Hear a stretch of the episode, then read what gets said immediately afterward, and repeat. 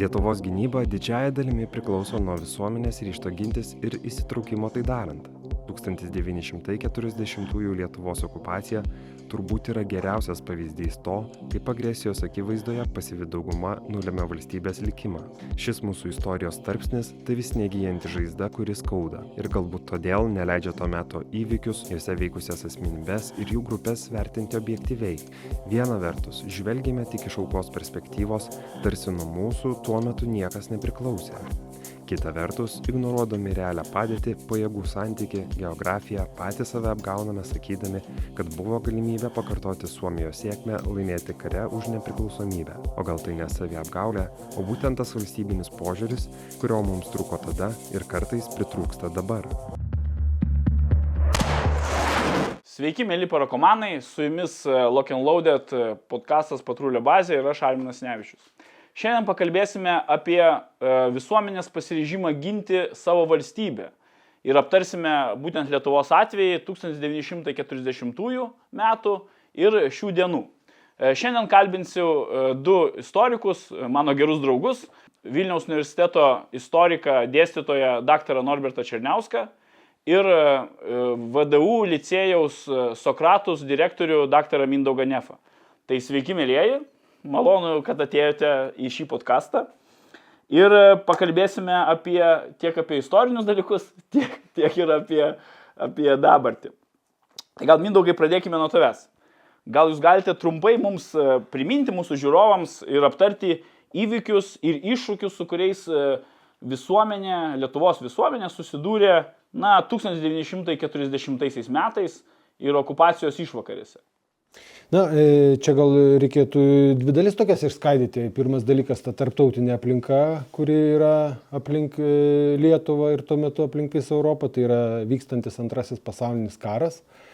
E, na ir yra vidinė aplinka ir aš manyčiau, čia reikėtų nusikelti mums bent jau 20 metų atgal, kuomet vyko nepriklausomybės karas ir jis tarsi buvo laimėtas, bet buvo prarasta tai, ką mes vadiname Vilniaus kraštu ir vilniaus krašto komplikuota situacija per visą tarpukario laikotarpį lėmė kad mūsų tie tarptautiniai santykiai nesusiklostė. Taip jog e, atėjus į antro pasaulinio karo akivaizdą mes turėtume na sakykime tokį skydą savotišką e, partnerius kai galėtume jaustis e, saugiau. Jūs kalbate apie Lenkiją ar apie daug kitas valstybės? Ne, čia esmė yra tokia, kad tai, kai, kuomet Lenkija E, okupavo Vilnių ir aplinkoje esančias teritorijas, mes patekome į Sovietų sąjungos glėbį.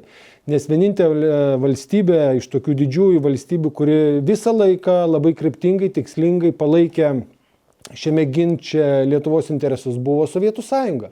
Ir va štai e, per visą tarpukario laikotarpį sovietai buvo mūsų draugai, nes jie yra mūsų palaikytojai. Ir štai antro pasaulinio karo pradžioje jie vis dar yra tarsi mūsų draugai, bet mus pradeda vilioti į tą visą žaidimą, kurį pradėjo prieš kurį tai laiką.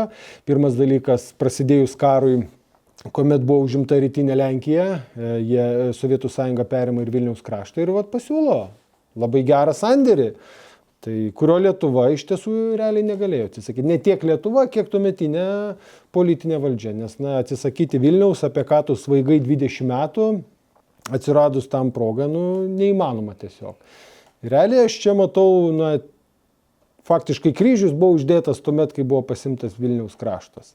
Nes jeigu mes žiūrime į 40 metais, birželio mėnesį, kuomet yra sovietai teikia ultimatumą ar nevyksta paskutinis vyriausybės posėdis, ir yra iškviečiami mūsų kariuomenės generolai, mm, kurie, aišku, ten buvo daugiau politikuojantis, ne iš karinės strategijos pusės pateikiantis nuomonę, tai jie sako, va štai yra Lietuvoje jau sovietinės įgulos. Apsiginimas yra neįmanomas.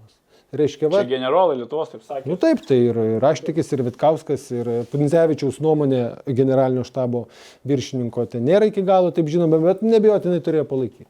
Tai va, čia visas tas fonas, ar ne, 40 metai, tarptautiniai situacijoje yra viskas įkaitę iki maksimumo, net ir prasprogė, nes jau karas yra prasidėjęs, o mes draugų neturim. Mes tarsi mėginame dangstytis neutralitetu ir apsimesti, kad viskas praeis pro mus.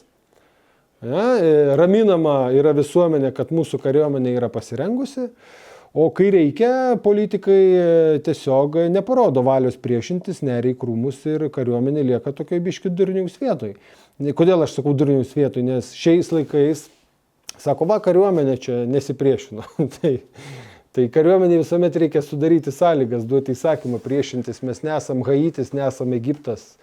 Tuo metu buvome nu, pakankamai moderni valstybė, teisinė valstybė, nors ir demokratijos sąlygomis apribota, bet vis tiek. Tai va, tas ponas toksai sudėtingas. Sunku įsivaizduoti neutralitetą tarp tokių didžiųjų galių, kurios tuo metu didėjo, tai tiek nacistinė Vokietija, tiek ir, ir Sovietų Rusija, e, Sovietų sąjunga. Um, taip, jūs norėjot kažką. Aš tik tai norėjau pridurti tai, ką sakė Mindaugas, kad ta draugystė vadinama su Sovietų sąjunga dabar gali atrodyti iš laiko perspektyvos gana keistai.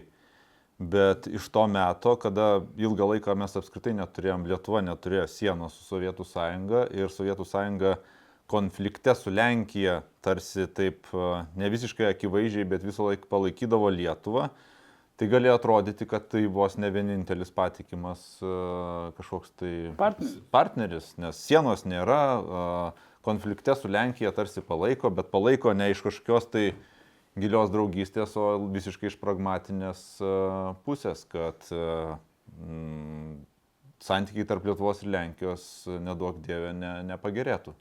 Tai čia tiesiog toks skaldimo palaikymas mažesnį, kad uh, toliau vyktų skaldimo politika. Ja, ir čia esminis dalykas, bet ką, ką mes tarpu kariu turim, tai yra tie nuolatiniai siekiai sukurti Baltijos antantę, mažą antantę tarp Baltijos valstybių.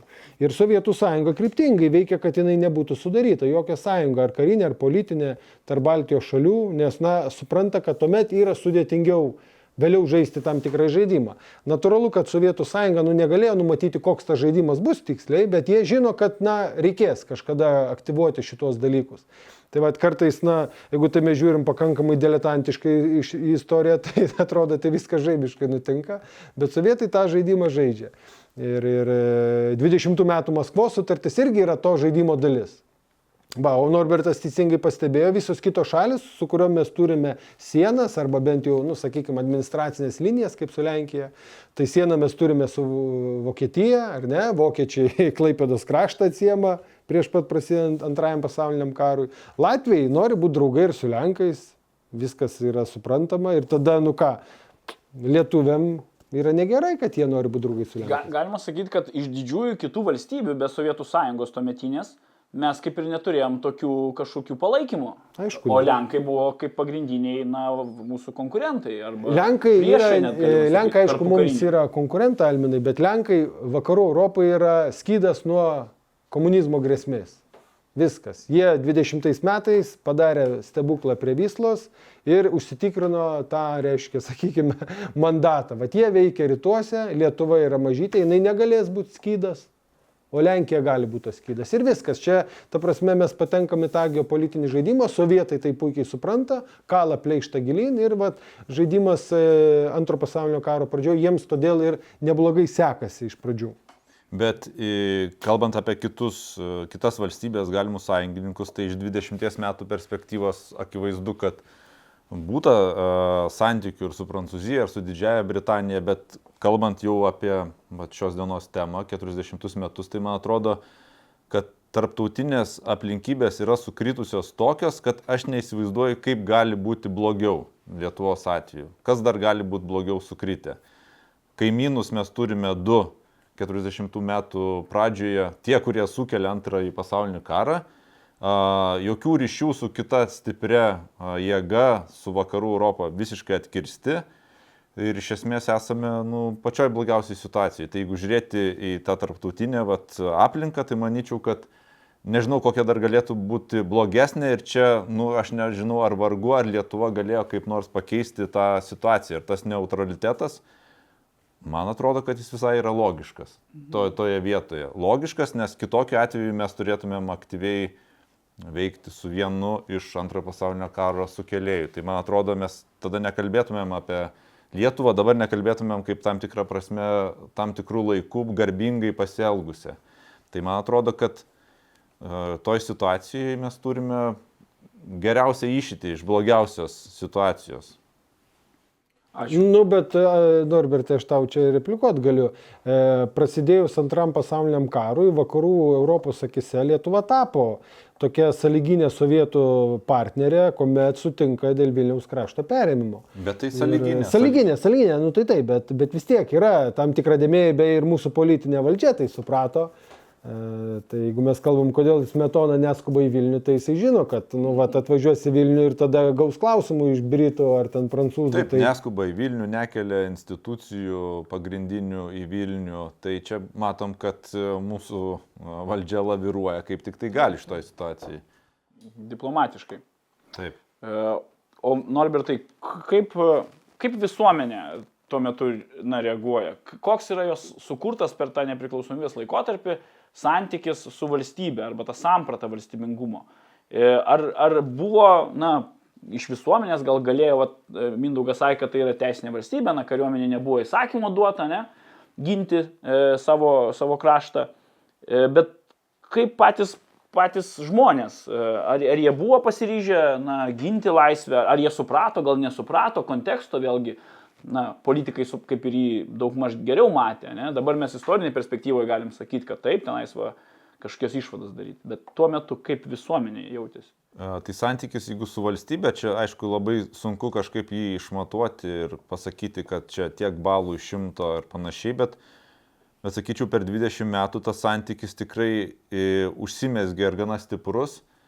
Ir e, jeigu žiūrėtumėm ten 20 metus ar ten 30-mečio e, pradžią plačioji visuomeniai, koks jo santykis su valstybė, tai jis, jis yra toks, toks dar tik tai besimesgantis. Dar daugelis nelabai supranta, kad čia tokia nepriklausoma Lietuva, kas jį yra, kaip jį čia egzistuoja. O ketvirto dešimtmečio pabaigoje su nauja karta ir apskritai 20 metų patirti, man atrodo, viskas jau čia aiškus. Sąsaja su valstybė yra akivaizdi, kiek ji yra stipri, kiek ji yra giluminė, čia dar klausimas, bet šitoj vietoje ir labai istorija padeda. Aš sakyčiau, kad per 20 metų tas toks atradimas ir iš, iš, iš, išnagrinėjimas ir pasijėmimas ankstyvosios istorinės patirties, didžiosios kunigaikštystės, duoda tokią ilgesnę, ilgesnę distanciją visuomeniai, kad mes ne 20 metų čia ar 15 esam valstybėje, bet kad mes turim tą ilgesnę distanciją, kad ir simbolinę, romantizuotą ir taip toliau, bet mes turime kunigaikščius ten ir taip toliau ir mes esame tokia senesnė valstybė ir netgi vat, pas, pa, uh, ginčia kokiam, kokiam nors bare su Latvijais visą laiką ištraukiamas tais, kas, kas jūs, kur jūs buvot. Štai nesvarbu, kad jūs geriau gyvenat, mūsiškai pas jūs emigruoja, bet mes vat, turim valstybę 700 uh, metų. Tai santykis šita prasme yra mm, tikrai tikrai neblogas, jeigu pasipriešinimo prasme, tai tikrai jis e, yra, egzistuoja. E, negalima sakyti, kad Lietu, Lietuvos visuomenė nežino, kas yra valstybė, ne, ne, ne, nesaisto su ją. O žiūrint į 40 metų kontekstą ir pasipriešinimą, čia labai sunku pasakyti, e, įvertinti visuomenės pasiryžimą tik iš 40 metų birželio 15 pozicijų. Čia yra labai sunku, nes pati okupacija yra labai jai sunku įdėti kokį nors pavyzdį kitą. Man atrodo, yra net kai kurie istorikai pasisakė, kad tai, kas įvyko su Baltijos šalimis, tai yra apskritai pirmas precedentas toks, kaip įvyko ta okupacija. Ir tam pasiruošti ir pasakyti, kad jūs nepasirašė tam precedentui, yra šiek tiek sudėtinga ir pagal tai įvertinti, ar visuomenė buvo nepasiruošusi. Visuomenė, man atrodo, buvo pasiruošusi ir čia vėlesni istoriniai įvykiai tai parodo, kad uh, Ir tas pats ten birželio sukilimas ar partizanų kovos ir ypač naujausi tyrimai, vat, ką, ką bendras mūsų pažįstamas Dainius Noreikai yra ištyręs, paėmęs imti tūkstančio žmonių ir tyrinėjęs, kodėl jie atsiranda pasipriešinime 404-5 metais. Tai daugeliu tyrimai rodo, kad daugelis jų yra būtent atėję iš įvairiausių organizacijų, susijęs su kariuomenė, šauliais, Šiaip su bendruomeninėm visokiam organizacijom, tai kas tai yra? Reiškia valstybingumo patirties nulemtas veiksnys. Ir jie dėl to priešinasi, ne dėl, to, ne dėl kažko tai, kad jie po keturių metų suprato, kad reikia priešintis, bet dėl to, kad nu, tas, tas glūdėjo toj pilietiniai kažkokia, jeigu galima apie ją kalbėti, sąmoniai. O apie 40 metus labai e, yra pavojinga mąstyti, prieš, ar visuomenė buvo pasirengusi priešintis ar nesipriešinti tik per Birželio 15 ten ir visų kitų įvykių. Jeigu būtų tradicinė, pavadinkime, okupacija, įsiveržimas ir taip toliau, na, kam ruošiasi ta visuomenė, tai man atrodo, mes matytumėm ir tradicinį pasipriešinimą. Čia, jeigu dar galima įsiterpti, aš kartais galvoju... Įsiterpkite save. dar įsiterpti į tavo e, klausimą. Taip, klausimų eilę tą nesibaigiančią. Tai, e, nu, pavyzdžiui, čia šimtą kartų mažesnis gal pavyzdys, bet lėktuvo nutupdymas Minskė, čia kuris įvyko vasaros, taip, vasaros pabaigoje. Dabar mes galime iš laiko perspektyvos sakyti, ar mes buvom pasiruošę ir kad e, bus nu- nutupdytas lėktuvas Minskė toks scenarius. Kas nors galėjo apie jį pagalvoti apskritai?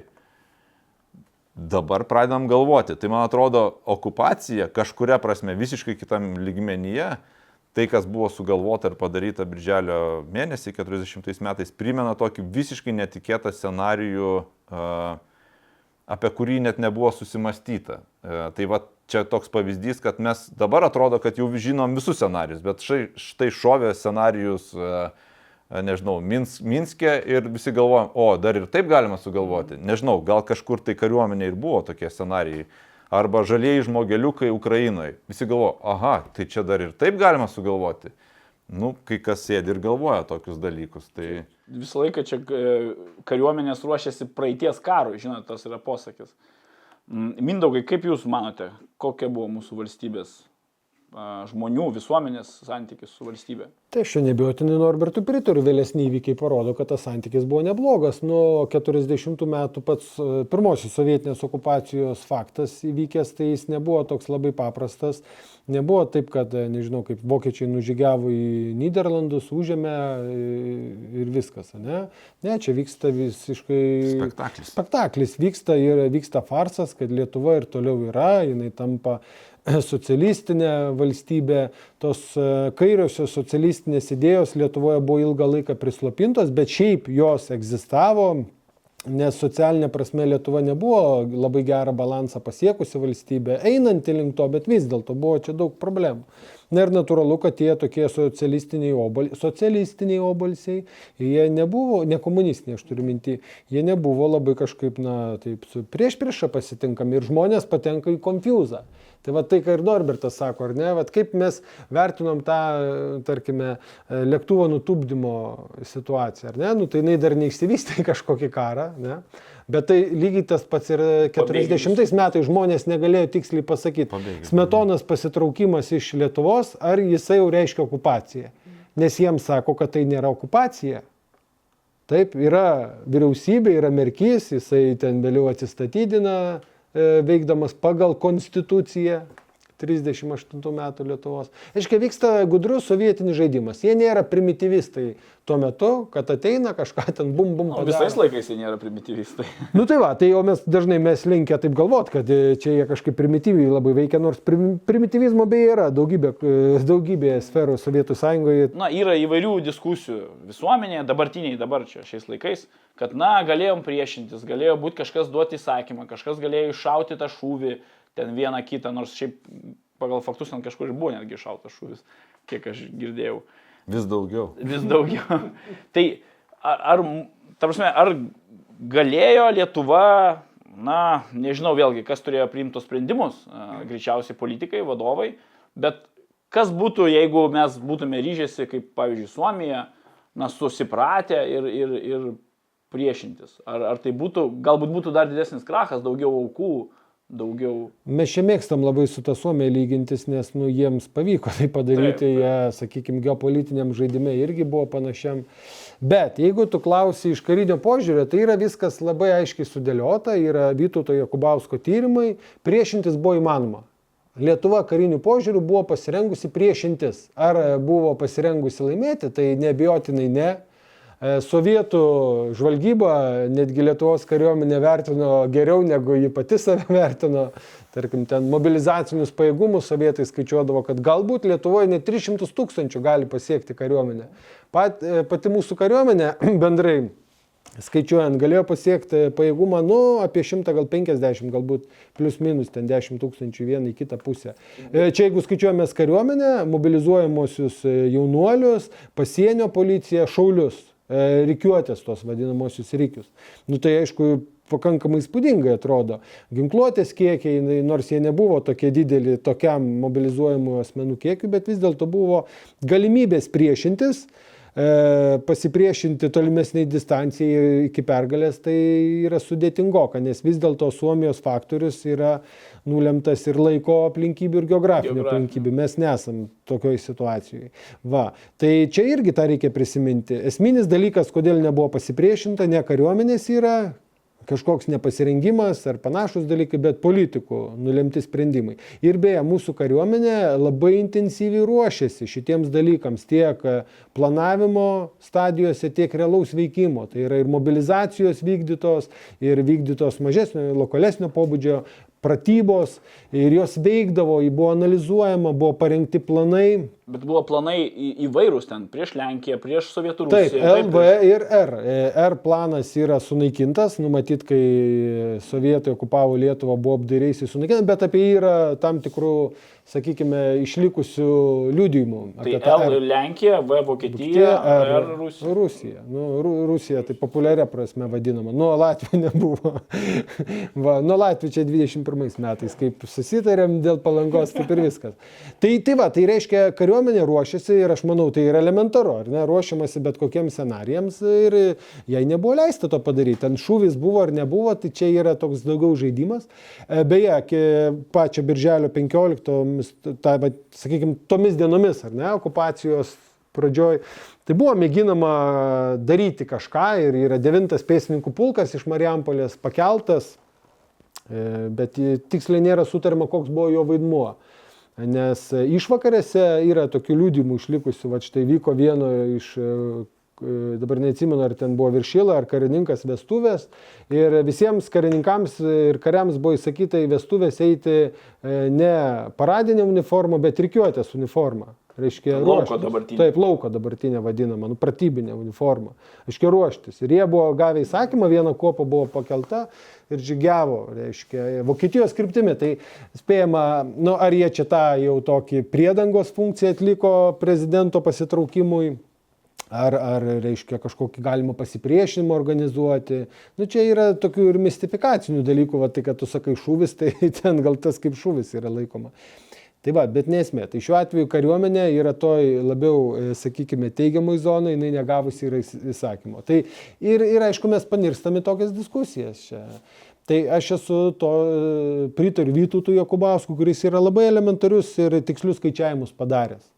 Ir lyginės su kitų šalių kariuomenėmis tuo kariniu pajėgumu pasipriešinti. Buvo matematinius skaičiavimus Matematinius skaičiavimus yra išvesti taip, čia net ne, ta prasme, istoriniais šaltiniais remiamasi matematiniais skaičiavimais. Tai va, bet aišku, ir scenarius, jeigu būtų viskas tai perauga į totalinį karą, tai, tai, tai būtų mums gal kitaip pasibaigę. Bet iš kitos pusės nereikia pamiršti, jog e, iš esmės sutikimas su sovietinė okupacija neužkirto kelio visą tam, e, kas nutiko su Lietuva ir su mūsų visuomenė, žmogiškosiam aukom. Tai ir, ir, ir masiniai trėmimai, ir masiniai suėmimai, ir visi kiti dalykai, nu aišku, aš čia jau taip neveščiau iki pat ten paskutinių, nes vėl nežino, kaip ten būtų pasisukę, bet, bet iš tiesų mes nukentėjom ir, ir apart karo su Sovietų sąjunga tiesioginė. Nu taip, iš tikrųjų, pas mus buvo kitų bendruomenių labai daug organizacijų, įvairių nuo ateitininkų, šaulių, iki skautų, iki dar visokių bendruomenių, burelių. Ir tas bendruomeniškumas jisai buvo. Tai žmonės galbūt netgi be šaulių, be mobilizacinio rezervo ir patys kaip savanoriai būtų tikrai prisijungę arba prie tos kariuomenės ir prie to pasipriešinimo. Bet kita vertus, mesgi neturėjom tokios kaip Suomiai Mannerheimo linijos, na, nesiuošėm ant tiek, e, na, Nu tai aš, aš tą ir noriu pasakyti, kad mūsų, ge- taip, kas yra Mannerheimo linija, tai ten jinai daug remiasi geografinių faktų. Nu, faktas, taip, Ir, taip. nu, pripažinkim tai, kad čia, tai- jeigu sovietai būtų kažkaip tai kitaip puolę kitų metų laiku, tai būtų visai kita situacija. Tai, Suomijoj. Su, Suomijoj, taip, apie Suomiją aš kalbu. Tai jeigu jie būtų puolę tuomet, kai dizelis jiem neužšala, tai kiti dalykai, bet vat, jie kai nepa... kariai nešala. Ja, tai vėl nežino, ar čia nepaskaičiavo, ar, ar neapdairumas, ar kažkoks toks šiek tiek pernelyg didelis užtikrintumas, nu, šiek tiek jiems a, pamaišė tas kortas. Tai va, Lietuva tokių neturi dalykų. Ir, ir aišku, tai lėmė, na ir tai, kad sovietai yra šiek tiek labiau draugai negu, negu priešai. Bet planas natūraliai egzistavo, tas R planas. Norbertai, tu ką tik išleidai knygą. Uh, paskutinė Lietuvos vasara, 1940. Ten uh, rašai apie, aš dar visos neperskaičiau, bet, uh, bet perskaitysiu, daug darbų dabar. bet rašai tenais apie žmonės, paprastus, kurie gyvena paprastus gyvenimus, eina į teatrą, dirba žemės ūkį, atrodo, va, jau tuoj karas. Nu labai paprasti, Merkys, Metona, tokie vieni paprastesnių to meto Lietuvos žmonių. Jis nepriskaitė. Aš dar nepriskaičiau iki ten, kur tu jau okay, okay, okay. cituoji. Tai e, kaip pačiam atrodė ta rašant tą knygą ar, ir renkant, žinoma, archyvinę informaciją, na, ar žmonių emocijos ir reakcijos, na, kaip Mindaugas jau truputį palėtė tai, kad jie, na, iš principo nieks negalvojo, kad tai yra kažkokia, na, nepriėmė to kaip okupacijos, kaip kažkokio tai tokio grėsmės valstybingumui turbūt, ne? Tai aš iki tos vietos nerašiau, ką, ką jie galvojo Tai gerai. po birželio 15 dienos, bet į, galima į juos įsijausti. Tai birželio 17 dieną, kas čia Lietuvoje galėjo pasakyti, kad yra okupacija? Nu, aukščiausias uh, sluoksnis, el, el, elitas. Bet, bet jį, aišku, akivaizdu, kad jį yra. Mes čia pirmai sakom, gal nebuvo tokių akivaizdžių. Nu, tai kariuomenės įvedimas, didžiau, e, valdžios keitimas, dirigavimas, tai čia jau viskas per nelygiai akivaizdu. Bet grįžtant į, e, į ankstesnį klausimą, man atrodo, kad e, mes visą laiką lygindami su Suomija patys save vėlgi pastatom į visiškai nepatogią situaciją. Nes ne, ne, nereikėtų, visiškai nepalyginami, man atrodo, pavyzdžiai, net, net, net ne iš tų dalykų, ką įvardinat, bet tų dar dalykų, nes uh, Suomija visą laiką turėjo sieną su Sovietų sąjunga ir žinojo, kad ne su Švedija galbūt tikriausiai reikės kariauti.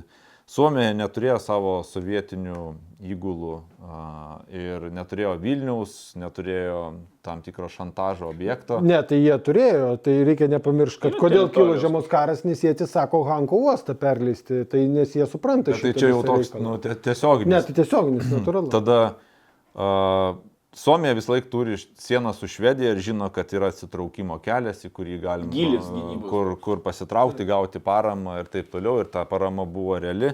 Lietuvos jokių kelių apskritai nėra į, į jokią pusę. Man paskesti Baltijos jūroje. E, Tai, tai, tai va ir tok, tokie dalykai yra. E, Ir dar galima pridėti, kad e, Lietuva yra okupuojama pačiu tuo nepalankiausiu metu, kada vyksta vakarų fronte e, puolimas ir apskritai jokios net moralinės paramos negali tikėtis. E, Patys tarpukario karininkai daug galvojo ir lygino net ne su Suomija save. Va, tas pats Vytautas Jokubauskas rašo, kad su, su, su Serbija iki pirmo pasaulinio karo lyginosi ir su Belgija. E, visiškai su kitom šalim ir kitų šalių patirtimi. Tai man atrodo, kad nėra sąžininga lyginti su Suomija. Su sąžininga galbūt, kad panašus dydis, kariuomenių gal ten dydis ir visa kita, bet visa kita yra visiškai skirtinga. Ir pritempinėti prie Suomijos, man atrodo, apskritai yra šiek tiek nesažininga nuos Lietuvos e, atžvilgių. O apie visuomenę kalbant, tuos paprastus ir nepaprastus žmonės, akivaizdu, kad jie jautė, kad vyksta karas aplink nuo šiaurės iki šiaurėje, iki Vil, Vilniaus krašte, Lenkijoje, vėliau ten vakaruose. Bet karas jau vyko kilintą mėnesį, jau beveik 8-9 mėnesius ir visi jau šiek tiek apsipratę buvo, o gal jis čia ir neužsuks, ta prasme gyvenimas tęsiasi. Ir tam tikros, nu gal racijos yra čia nais, aš visą laiką sakau, lyginu su virusu, visi bijojom per pirmą karantiną, akivaizdžiai visi užsidarė, nežinojom, ką darysim ir taip toliau, o po to žiūrėk, mirtinas realiai pavojus, miršta po, po d- 20 žmonių į dieną ir visi jau na, atsipalaidavę, atsipūtę kažkur Ir sėdim čia trysia be. Podcast. Nu. Filmuoja. Aš patikrinau jūsų pažymėjimą. Tai taip ir su karu, tarsi visi jaučia tą baimę, tam tikrą nežinomybę, bet toliau tęsia gyvenimus, nes niekas nežino, tik mes istorikai žinom ir ne istorikai, kuo jam baigėsi ir tarsi sakom, ko jūs čia dabar rūpinatės kažkokiais tai dalykais, jūs rūpinkitės, kad tuoj karas pas jūs ateis ir, ir pradėkite ten kasti apkasus. Tai nesažiningai yra tų žmonių atžvilgių jiem primetinėti, ko jie nu, negalėjo iki galo iki galo žinoti. Tai Koks nors Šakių rajono ūkininkas, tai jis gal kaip anksčiau e, dirbo savo žemę, tai sovietam atėjus irgi jis toliau dirbo žemę. Kol netėmė. Kol net, netėmė kolūkis. ir kita vertus, e, Lietuva, da, didžioji dalis Lietuvos visuomenės turėjo karinę, karė, ka, karo patirtį tokią, pirmo pasaulinio karo labai didžiulę, visi pajutė ir žinojo, kas yra karas. Tai aišku, kad jo bijojo, bet visi įsivaizdavo tikriausiai va, taip, kaip, kad bus kaip per pirmąją pasaulinį karą. Tai žiūrėti e, dabar mums kaip tokiam pusiau dievams ir sakyti, kodėl jie ten blogai kažką galvoja, ne, nėra gal labai a, gerai. Bet tu čia kalbė apie politikus ar apie paprastus? Apie, apie visuomenę. Ai, O apie, pač, apie pačius politikus, tai aš Patilėsi. uh, nu, visai galvoju. Tiesą sakant, aš ne, nežinau, nepat, ne, nepatarčiau niekam atsidurti toj situacijai ir man labai įdomu būtų išgirsti patarimus kokius nors, kad jeigu jau pradėtumėm žaisti, ką darytų kitaip. Aš nežinau, tiesą sakant, ką reikėtų padaryti kitaip toj susiklošiusi grandinė. Galbūt, jeigu aš patarčiau smetonai, ką jis tikrai ko nepadarė, ir čia jau yra kaltė, gal reikėtų nagrinėti vat, režimo paties autoritarinio, kiek jis čia prideda. Lietuvos. autoritetas. Taip, taip, tai iš, išvykimas jo, man atrodo, šiaip tai yra geriausia, ką jis galėjo padaryti toj situacijai, nu, kas iš padarytų dalykų, bet kad jis galėjo tvarkingai tai padaryti, palikęs dokumentus, aiškiai pasakęs, kodėl jis pasitraukė, kas tai yra per žingsnis, kad jis galvoja, kad tai yra, nu, ne kas kita, okupacija. Iš, iš, tai nereikėtų mums čia ir diskutuoti. O ne, o ne vėliau falsifikuoti tuos kibartoktus vadinamus. Atga- atgalinė data. O tai aš žinai, ką patarčiau? Aš tai patarčiau nedaryti perversmo 26 metų. Va čia aš va ką patarčiau. Ne, Smetonai. nežinau, kuo čia susiję tas perversmas ir 40 Ne, aš turiu mintį vis tiek. Nu, aš turiu tokią durną idėją, jinai aišku nieko neparemta, čia grin fantazija, čia ne istoriniai dalykai vis tiek. Sakykite, mes čia fantazuojame. Na taigi, va, fantazijų. tai, tai vis tiek, ta prasme, Smetona 40, aš dar anksčiau žiūrėčiau, 38 metai Lenkijos ultimatumas, neišlaiko jisai lyderystės egzamino, elementariai pradeda jisai smūgti. Nes jam iki tol nereikėdavo demokratinių kažkokių pasitarimų, čia vyriausybė, žaidimų, ten viskas vykdavo šiek tiek kitaip. Ir štai dabar, kai susiduria su realiom tarptautiniam grėsmėm, jisai pradeda smekti, smekti kaip lyderis. Ir, ir iš esmės 40 metai tai yra jau kitų politikų e, jautimas kraujo. Jie jaučia, kad smetona kraujuoja ir, ir čia irgi yra ta situacija, kuomet ne, nėra randama to bendro susitarimo. Krikščionys demokratai atvirai, reiškia, jaučia tą kraujo kvapą, kad jie sugrįž, nuvers metoną. Beje, nu, aišku, čia grožinė publicistika paremta istoriniais faktais, vat Alfonsas Eidintas, ieškok Maskvos Sfinkso, ten neblogai tą emociją yra pagavęs, mano galva. Tai va todėl aš čia ir ne tiek juokaudamas sakau, patarčiau 26 metais perversmo nedaryti, o mėginti demokratiškai e, valdžią sugrįžti smetonai. Galbūt tada būtų buvę kitaip, bet čia, čia daugiau toksai, sakykime, taip, kas būtų, jeigu būtų paraistorinis dalykas, kuris nieko bendro su mokslu nelabai turi. Aš labai abejoju šituo 26 metų atsigrėžimu. Nu, gal, Nes uh, valdžios siekis ar autoritarinė, nu taip, autoritarinė, bet ar, ar, ar demokratinė visą laiką yra siekis pakeisti tie, kurie yra dabar valdžioj. Ir jeigu būtų demokratija Lietuvoje 40 metais, aš nemanau, kad opozicija nebūtų bandžiusi išnaudoti šitos, bet čia Jo, ne, ne, aš tai tam pritariu, bet e, čia sakau, toks daugiau aš pateisinčiau valdžios sprendimus tuomet, o dabar jau nebepateisinu. Tik tai aš pritariu irgi Norbertui, tai bet tas metonos pasitraukimas į Vokietiją, susidėliojus tiems įvykiams, kur buvo, tai buvo geriausias sprendimas ir aš čia smetonos dėl to nepolu, kad jisai pasitraukė ar ten pabėga ir panašiai. Bet tos egzilinės vyriausybės ten ir iš karto nebuvo. Nu, tai todėl, kad visi jaučia kraujo kvapą, niekam nebereikia smetonos, jisai viskas, jis nebeturi jokių svertų aiškinti, jis vakaruose viskas, ten visi ambasadoriai jo šalinasi. Luzoraitis galvoja, galbūt čia jam pavyks tą dalyką padaryti, bet jis yra Europoje, o Amerikoje kitaip e, galvoja.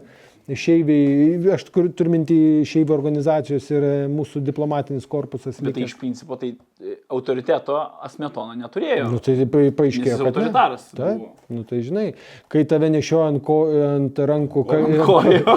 kai tave nešioja ant rankų šauliai tai, ginkluoti, tai autoritetas yra. Kai... Žiūrėkit, mes trys šauliai čia dabar jūs ką tik pasakėt. Tai ką, tai aš esu, kaip yra tokia nuotrauka, žymiai šauliai, neša į Koks rambino. klubas paskui supyk, žinote, dar klausydamas jūs. Jo, tai nieko nepadarysi. Tai, tai va, grįžtam, bedėjau prie... Gerai, temos. aš iš tikrųjų dar ne prie temos, aš noriu paklausti dar dėl smetonos ir dėl kitų. Ar buvo, pavyzdžiui, iš sovietų, gal jūs kažkur istorinėse šaltiniuose, archyvose skaitėte, ar buvo iš, e, na, kažkokie papirkinėjimo arba kažkokios įtakos, na, pirkimas iš Sovietų Rusijos. Tokių metodų, kurie galbūt, vad, na, dabar Ukrai, arba grasinimai, kažkokie šantažai. Nu, tai 26 metais e, sovietų pasiuntinybė finansuodavo tautininkų leidinius. Tai čia jau senai yra nustatytas faktas e, Zenono Butkaus ir čia viskas yra žinoma. Kitas faktorius tai buvo ta tokia minkštoji gale, kuomet buvo siekiama pritraukti tam tikrus elito veikėjus ir čia yra e, draugija SSRS kultūrai pažinti labai aktyviai veikusi. Tai ir tie veikėjai iš esmės e, savo, savo vaidmenis vaidina jau 40 metais, kai yra sovietai tie, jie užima postus e, liaudės vyriausybėje, liaudės seime, jie važiuoja į, Del- į Maskvą. Kolaboruoja, žodžius, iš karto. Jie kolaboruoja, į- ta prasme, iki tol vyko tas toksai minkštasis žaidimas, e, vat būtent per tą draugiją SSRS kultūrai pažinti. Nes, na, ten jeigu paskaitytume laiškus, e, ką tenais rašo apie vizitus Sovietų sąjungoje, ten panašiai, tai ten jiem toksai labai rožinis pasaulis buvo nupieštas. Na ir jie sugundomi tokiais dalykais. Bet, bet e, čia todėl ir ką mes pradžioj kalbėjome, tas žaidimas yra e, planuojamas iš anksto. Ne tai, kad karas atėjo, tada žiūrim, ką galim padaryti. Bet yra aktyvuojami tie, tie vaidmenys. Ir ta, nu kaip sakyti, visuomenė lengviau šiek tiek priima vykstančius pokyčius. Nes e, jeigu mes pažiūrėtume į liaudės vyriausybę 40 metais, kuri yra sudaroma, tai ten tokių e, labai ryškių komunistų nu, faktiškai nėra. Du e, yra. Va, tai, o visi kiti tai yra geri žmonės, žinomi, kuriem net ir šiandien veikia memorialiniai muziejai. Pavardė. Nu, tai yra tokių veikėjų. Ta prasme, ir prašom lankyti muziejus. Prašom, o ką jūs muziejus Tai nesilankote? ne, aš tokiuose nesilankau. Kaip nesilankai? Na tai čia aišku, čia nesminiai dalykai, bet e, čia atsakant į tavo klausimą. Ta prasme, veikiama buvo. Ar ten kažkokie grasinimai, papirkinėjimai, tai čia mes tokių duomenų neturim. Bet, e, bet e, per tai žmonės buvo įviliojami į tuos dalykus. Ir, ir todėl vėliau dalis tų rašytojų atsimeta nuo Sovietų sąjungos, nes jie pamato, kad nu, iš tiesų taip nėra, kai prasideda teroras, kai prasidėjo e, Vokietijos ir Sovietų sąjungos karas, jie traukėsi į Rusijos gilumą. Ir ten jie pamato, kad tas gyvenimas nėra toks rožiam klotas, jiems trūksta maisto, nieks jų leidinių nebespausdina, kaip buvo žadėta, po 300 tūkstančių egzempliorių po visą margą Sovietų sąjungą. Ir tada dalis jų atsimeta. Tai čia mm, istorikas Mindugas Tamušaitis gerai yra, yra apibūdinęs, vad, didysis apakimas, arba kaip liūdas truska sako, ne apakimas, o blūdas. Buvo apėmęs 40 metais, po to reiškia buvo atsimetimas toksai, o po to susitaikymas. Bet aš, pavyzdžiui, netgi dabar klausau tavęs ir aš girdžiu paralelių su dabartinės Ru, Ru, Ukrainos rytuose vykstančių konfliktų ir kai tenais, na, tas buvo rusų pasaulio mitas, tokia sukurtas idealizmo kažkoks e, burbulas. Čia yra kūriamas mitas, kad kultūra ir politika nieko neturi bendro. Ir čia tik nemaišykim šitų sričių. Čia sportas, yra kultūra, čia viskas yra Atskirai čia. Atskirai, čia tik tai visokie, reiškia, profašistai stengiasi sakyti, kad tai yra kitaip. Tai čia žaidimas senas. O visuomenė, ne? visgi mūsų tema yra visuomenės. Tai kaip jūs dabar vertintumėt visuomenėje vat, sklandančią atmosferą ir ar, ar tik Ukrainos karas paskatino Šaulių sąjungos didėjimą? Savanorių atsirado daugiau, viskas tvarkoja.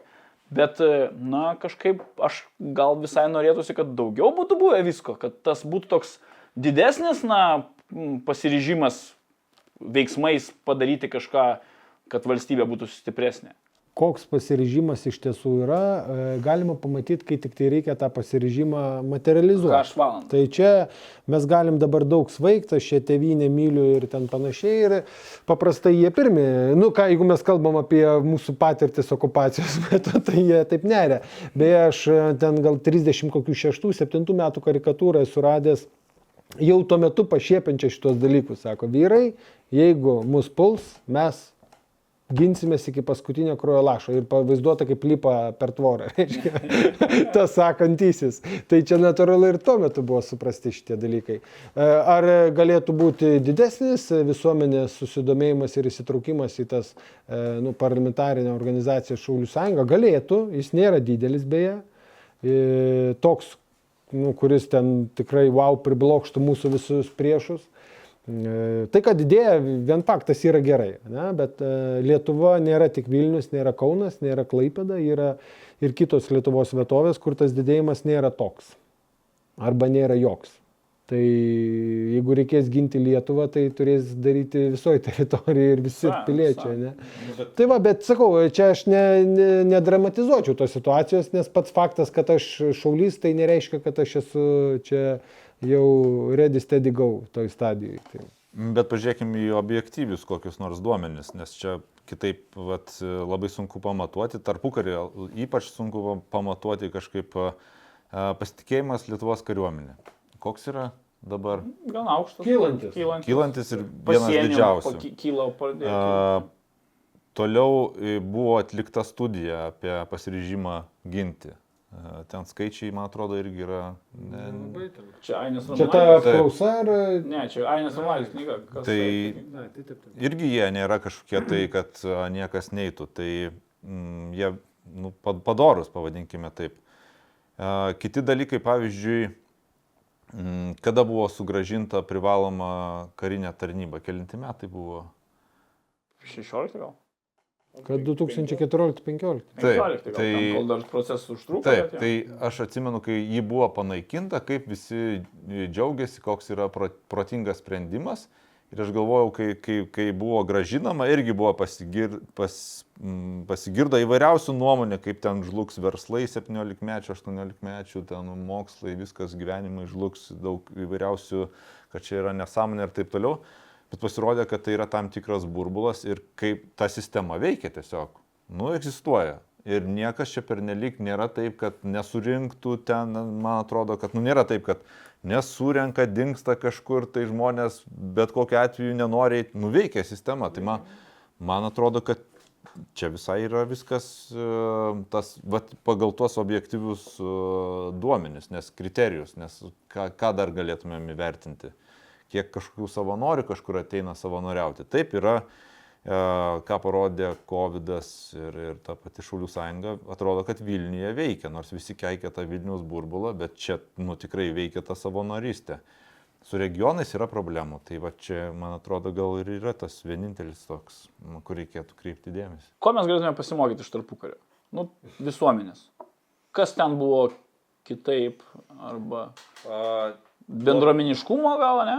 Labai sunku čia ko nors pasimokyti. sunku, bet- Gal jie galėtų daug ko pasimokyti, užsienio politikoje ypač, bet e, nu, čia tas gal vienintelis, aš vis laik tą pasakau, bendruomeniškumas, bet jis taip šiaip savo neatsiranda. Mes aš, esam prastesniai situacijai, mes nesatėjom iš po totalitarinės visuomenės. Žiūrint į to meto tokį visuomeninį aktyvumą, jis irgi yra šiek tiek apgulingas, ne visa ten visuomenė buvo uh, tokia aktyvi.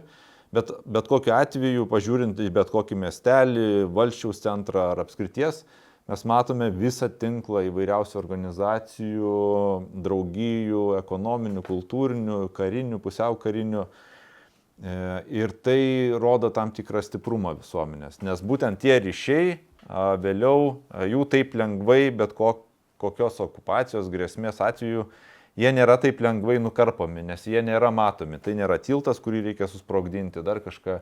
Tai to aktyvumo galėtų, sakyčiau, būti e, daugiau. Tai va čia gal tas toks, mano nuomonė, vienintelis dalykas. Aš tai toks man kas labai patinka tarpukario bendruomeniškume, tai ne šiaip pats bendruomeniškumo faktas, bet iššūkiai ir prisėmimas tų iššūkių. Nes dabar irgi to bendruomeniškumo čia galim visokių, bet toks yra daugiau nu, veikimas pagal dabartinės sąlygas. O tuo metu ne tik Šaulių sąjunga, bet ir kitos visuomeninės organizacijos užsikeldavo iššūkį pasistatyti namus ir ne bet kokius, juos išlaikyti. Dabar toks yra, nežinau, kažkur. Nu, aš nežinau, ar kokia organizacija dabar galėtų išsikelti. Mes susimetam ir Nu, pasistatom. Taip, namus. tai va, aš apie tai kalbu. Daugiau ieško kažkur kampelio prisiglausti, na nu, ir kaip taisyklė. namų pristatytų. Ja, bet matai, ir savivaldybė dar turi viską apmokėti ten jiem, nu, nes mes čia dirbam. O tuo metu tai tiesiog duokit mums lengvatinę paskolą. Mes norim pasistatyti, mes norim turėti, mes nu, ir ne bet kokius, nu, kad ir kokie neolituanai, kokius ten rūmus pastatė. Nu, ten aišku, su valstybės parama, nes labai jie buvo naudingi režimui. Bet vat, apie šaulių kaimuose ten veikiančias.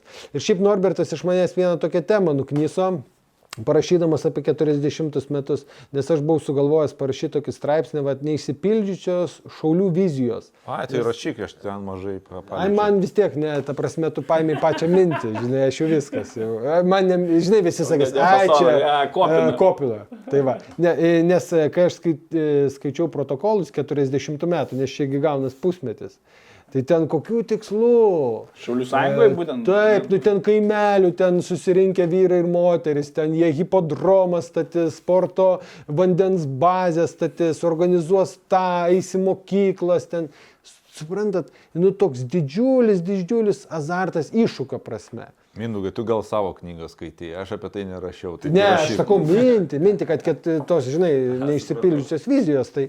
tai va, Turbūt ir ne tik šauliai turėjo. ir Tai, tai jo, bet aš ir sakau, man toks iššūkis, labai tas man yra įstrigęs. Dabar mes to iššūkio vis mažiau turim, ne- nes visuomet yra sakoma, ai tu nusileisk ant žemės. Beje, aš irgi kartais taip sakau. Bet e, tai va to pasimokyti galim, bet ką čia reiškia pasimokyti? Gyvenam skirtingose visuomenėse, skirtingos yra sąlygos, skirtingos e, modernizacijos galimybės. Tai Kokiamis dabar, va, dabar sąlygomis, šio, šiandien dienai, kaip galima stiprinti tą visuomenės pasiryžimą ginti? Nu taip kaip ir dabar tai yra daroma. Nu kaip? Visos tos priemonės kompleksiškai jos- taikomos. Bet jūs ką tik sakėt, kad galima dar, dar geriau. Ne, tai čia žmonės turi suvokti, kad jie yra pilietiškai labiau galingi. Va čia tos pilietinės galios, jeigu mes tai pažiūrėtume kelti? komponentų augimą, tai tas yra Patarkit, gal, kokie mūsų klausys, ten ministrai, dar kas nors. Nereikia pernelik utiruoti šito klausimo, ta prasme, kaip ją kelt. Dažniausiai pilietinė gale kyla savaime, kai atsiranda tam tikrai iššūkiai. Ir va tarkime, COVID situacija tai labai aiškiai parodė, kai Čia ty- tyrimai sako, ar ne, žmonės nuėjo savanoriauti nebūtinai ligoninės, bet ten ir kitas labdarą teikiančias organizacijas. Vietoj to, kad namie sėdėtų, reiškia tą atsiradusi laisvą laiką, jie ten praleido. Tai vat, ir tarsi valdžia pati nieko nedarė, ar kažkas, kad tai darytų, ne, tiesiog žmonės suprato. Tai čia yra ta didžioji pilietinė gale, kada jinai ateina iš apačios, samoningai žmonės supranta, kad jei ne mes, tai kitaip geriau nebus, ar ne? Bet vat, ką aš girdžiu, tai iš principo skatinant savanorystę visuomenėje, įvairią savanorystę, mes galim stiprinti ir mūsų pasiryžimą ginti. Nu taip, bet čia sakau, nu, to, tokia ir priemonė, ką reiškia skatink savanorystę, ką tu duosi bonusus tenais, tai jau tada viskas nyksta. Po šimtą eurų. Viskas Po 100 išnyksta. eurų. va. Tai čia yra farsas, čia yra peilis. Mano korifėjas Vladas Putvinskis yra pasakęs, kad visos, visos lengvatos ir e, papildomi dalykai sutraukia chlamą. Jis taip ir rašė? Taip, nu, tiesiog sutraukia ne tuos, kurie ateina sąmoningai. O, o kaip tik, kai yra situacija sudėtinga, ateina tie tokie tvarūs, žinai, žmonės. O nes jeigu aš ateisiu, aš būsiu savanoris, jeigu man lengvatinį bilietą duosit. Aš būsiu ten dar kažkas. Nu, čia aišku, tai prideda tą bendrą foną, bet, e, bet tai yra laikinas dalykas, nes jeigu praeina kažkoks ten, sakykime, pavojus, e, tokie savanoriai išeina atliko savo misiją. Nu, nebėra tai, kas juos veža. Beje, Šaulių sąjungos atveju, kaip ir bet kuriuo kitu ten karinio komponento atveju, nu, reiškia, reikia turėti tikslą, ar ne? Vat. Kodėl jūs ten nuolat treniruojatės, lakstot po, miks, po miškus, susikūrėt savo legendas, kad ten yra kažkokia valstybė, kuri, nuo kurios jūs ginatės, ne? Nes reikia turėti tikslą. Tai, va, tai jau kai to tikslo nebelieka, tai ką? Išsivaikščiojimas. Šiaip tikslas yra esminis dalykas mokymuose. Taip, taip, taip. Uh, Norbertai, kokiu tu matytum priemonių? Ar iš vis, nu, Mindaugas kažkaip taip nepasakė konkrečiai, gal, gal tu turi kon konkrečių priemonių, kaip reikėtų stiprinti visuomenės ryštą gintis?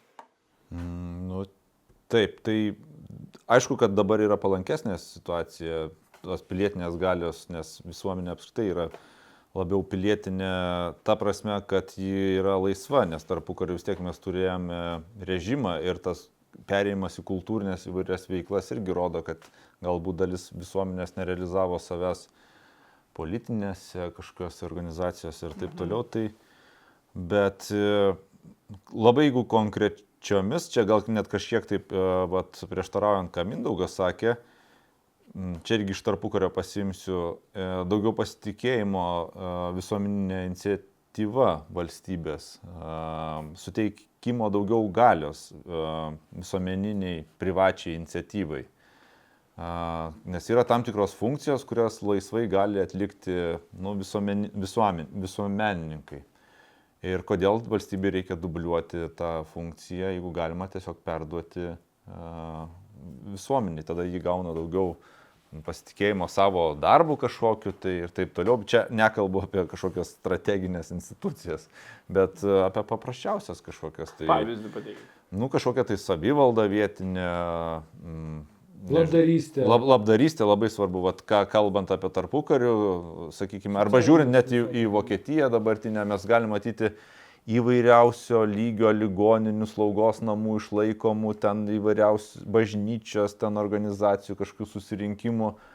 Tai tos, jie turi funkciją, kažkada Vokietijai buvo, na, ten 19 amžiaus pabaigoje ar 20 pradžioje valstybė sako, okei, okay, mes geriau remsime tą visuomeninę iniciatyvą, kuri uh, rūpinasi ten kokiais nors paliegėliais, negu kursim savo tinklą.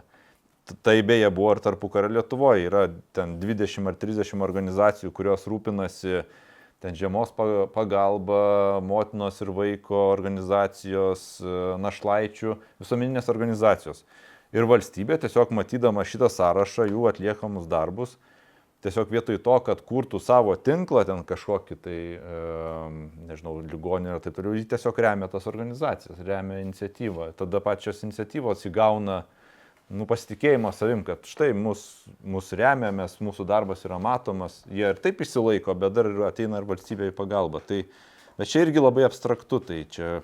Nu, iš kitos pusės ir dabar biškiai yra, nu to kaip tikrai, nu ten kokia sos vaikos, vaikų kaimus, taigi remia valstybė, skirdama ten projektinį finansavimą, bet gal va čia tas ir esmė, ten labai formalizuoja visą procesą ir reikia suprasti, kad tie žmonės, kurie ateina į savanorišką veiklą, nu, Nu, jie ateina dėl praktinių, jo ne popierių pildyti ir, ir tada toks demonstruojamas nepasitikėjimas jais, nes po to, jeigu tu gauni finansavimą, reikia ir atsiskaityti būtinai. Nu, natūralu, kad reikia rasti kažkokią tai aukštą viduriuką, nes... Tai galbūt reikia paprastinti tą tvarką, tam pasitikėti žmonėm, kad jie, na, nevoks iš valstybės, o... Nu, sakau, reikia aukšto vidurio ieškoti, nes, nu, tikrai čia visokių galima išvaistimų turėti ir panašiai. Nu, e, jeigu būtų paprasta atsakyti tavo klausimą, tai jau senai būtų padaryta. Va, todėl tai yra sudėtinga ir tai yra susijęs su pačiais piliečiais, su savanoriais, ar ne? Bet reikia jiems duoti impulsą veikti, ar ne? Kažkokias, va, nu, toks uždegimas ir tada jie turi patys sulepsnot. Va, tai, bet tai nėra, nėra taip, taip paprasta, nes mūsų visuomenė dar eina dikumoj. Dar eina, dar klaidžioja, jinai ieško ieško to kelio, ieško to pamiršimo. Ne filosofiškai, nu čia kas. Geografiškai. Yra. Geografiškai, jo. Bet aš turiu minti, kad mes dažnai, nu ką, dar tą sovietmečio, sovietmečio tokią raugelį turim gerą, mentalitetą savo. Jo, bet kartais ir mėgstam to jo prisidengti, viską tarsi paaiškinti, ai, čia nesiseka, nes mes čia sovietinį raugelį turim, tai irgi aukso vidurį. Nebeaišku, čia ko daugiau yra, raugelio ar apsimetimo. Jo, apsimetimo, kad čia vat, priežastis nesovietinis raugelis, nors jeigu pažiūrėtume, ta sovietinė nomenklatūra jau išėjusi yra iš mūsų faktiškai tokio aktyvesnio politinio gyvenimo. Jam žinosius medžioklės plotus. E, nu taip, aplink medininkus ten sako, dar kažkur ten visur išėjo. Tai čia e, humoras, bet, bet ir tiesos daug. Mindaugai, tu dirbi, na, dabar esi direktorius e, privačios mokyklos, dirbi ir visą laiką buvai mokytojas, ta prasme, ilgus metus e, ir, ir dabar esi. Kaip, kaip tu matai, va, dabar jaunimas, ne, mokyklinis amžius, mokiniai kokia yra situacija, koks yra jų mąstymas ir ką jie galvoja apie grėsmės valstybei, apie kažkokį tai, na, pasiryžimą ar gynybą valstybės. Ar jie negalvoja nieko? jie galvoja tiek pat, kiek galvoja likusi visuomenė. Ta prasme, mes neiškaskim e, tų mokinių įsivaizduodami, kad jie jau turi būti kažkas tai wow, ko nėra visuomeniai. Nes, na, jiegi, ta prasme, mokykloje mokiniai nėra ištraukiami ir paliekami tik mokykloje, kažkokio internatinėje, ar ne, ten, kad tas kontekstas jiems lemia. Pagrindinis kontekstas yra likusi visuomenė, tėvai, Šeima. jų socialinis ratas. Tai jeigu socialiniam rate yra nusiteikimas antivalstybinis arba skeptiškas valstybės požiūriu, tai, tai dažniausiai ir vaikai panašų tokį demonstruoja. Ir tada labai svarbu, kad čia atsirastų tokia institucija kaip mokykla, kuri parodytų, kad vis dėlto yra ta alternatyva, ar ne? Nu, va, yra kitas pasaulis. Čia ne tik kalbant apie pasiryžimą ginti, kariuomenės kažkokius dalykus, bet ir šiaip socialinius dalykus, nes na, dalis mūsų mokinių yra gyvenantis labai socialiai skurdžiose sąlygose, socialinės rizikos šeimose ir jie auga nematydami nei ten gero sutarimo, nei ten kažkokių kitokių dalykų ir mokykla jiems tai parodo. Todėl aš visuomet buvau šalininkas tai, kad mokykloje daug turi būti kalbama apie krašto gynybą, apie tai, kad ir kariuomenė turėtų ateiti į mokyklą, vat, žmonės turėtų pamatyti karius. Nes dabar realiai, jeigu mes tai padarytume apklausą, kiek iš jūsų esate matę gyvą karį gatvėje, tai būtų toks labai nekoks vaizdelis, nes karių gatvėse vaikšto, čia durnai nuskambės, nu, nes jeigu karių daug vaikšto gatvėse, tai karas, ne? Va, bet jeigu esat matę, ne, nu, tai va, Alminai, tu tai vaikštai su uniforma po darbo einamas namo, bet daug karių tiesiog šmurkšteliai savo civilinius rūbus ir, ir išnyksta mūsų pilkoje terpėje supranti, ir tada, ir tada va taip yra. Man vienas rūklos gyventojas, aktyvus rūklos gyventojas yra uždavęs, pasakęs, tai prasme, ten bendruomenės veikloje dalyvaujantis. Jis sako, žinai, mes kiek daug metų, čia prieš kokį dešimt metų man jis taip sakė, bet aš va, atsimenu, sako, mes daug metų dirbam, kad tie žmonės, kurie tarnauja kariuomenį ir gyvena rūkloj, kad jie nusivilkę uniformą ateitų pas mus, o ne eitų į tą parduotuvę, kuri yra Norfa centre, nusipirktų bambalį ir gertų už tos parduotuvės. Sako, mes va, tiek daug dirbam. Tai čia prieš dešimt metų jis sakė, aš tikiu, kad dabar situacija ten yra gerokai pasikeitusi, bet va jis tai sakė vietinis žmogus, kuris ne šiaip kažkoks, žinai, ten patvorinis. Prieš dešimt metų netarnavai rūklai. Tarnavau. Man atrodo, tu tauragiai tarnavai. Ne, tai čia... Gal čia apie mane? Bet, bet e, žiūrėkit, kad e, nesuprastumėt klaidingai, kad aš čia dabar... Čia- suprantu, suprantu. Ir, ir kaip ir mokiniai yra ta pati visuomenė, taip ir kariai. Čia mes ne, neįsivaizduokim kažkokių stebuklingų dalykų. Viskas yra toj pačioj visuomeniai, koks yra bendra. Yra statistinės kažkokios ten, žinai, dalykai. Ir ypač socialinės rizikos gru- grupėse žmonės, tai jiems, na, ta valstybės e, ten kažkokia gynyba arba ryštas, jiems ne, ne tas galvoja, galvoja, kaip čia pavalgyti. Jo, bet tai nebūtinai reiškia, kad jeigu bus e, akimirka X jie neteis ginti. Taip. E, Netgi mūsų istorinė patirtis sako, kad tokie žmonės labiau ateis ginti, o tokie žmonės kaip mes čia sėdintys prie stalo labiau pirksime bilietus ir skrysim ten, kur, kur, kur yra saugiau, nes mes galim dirbti ir užsienį tos pačius darbus, ką dabar dirbam, plepėt. Va, o, o žemdirbys, jisai supranta, kad čia yra jo ta teritorija, jis, jis apgins, nors siunčia dabar tą valstybę ant trijų raidžių. Tai čia yra tokio dalyko ir kadangi tu mus pasikvieti kaip istorikus, tai mes kaip istorikai tau tai bylojam. Norbertai, kaip yra su studentais? Na, studentija tarpu kariu buvo iš tikrųjų, na, intelektuali visuomenės dalis, kuri dažnai imdavosi ryštingų veiksmų kritiniais momentais ir iššūkių nebijodavo. Kaip, kaip dabar su studentais? Na, Mindaugai, tu irgi dirbi su studentais kažkiek, bet Norbertai. Nežinau, aš taip ne, nepervertinčiau tos tarpukario studentijos, o dabar sunku man vertinti, aš apie tai gal taip nekalbu kiekvieną dieną, ką jūs darysite, jeigu kažkas atsitiks. Nors čia kažkada diskutavom, kas yra gerovės valstybė, ir bandžiau įrodyti, kad e, jeigu jau galvoti apie kažkokią gerovės valstybę, jeigu toks terminas dar apskritai gali egzistuoti 21 amžiuje, e, kad lietuviškajame modelyje turėtų būti įeiti ir gynyba, nes tai yra nu, mūsų gerovė priklauso tiesiogiai, žinant geopolitinę padėtį tai yra tiesiog susiję.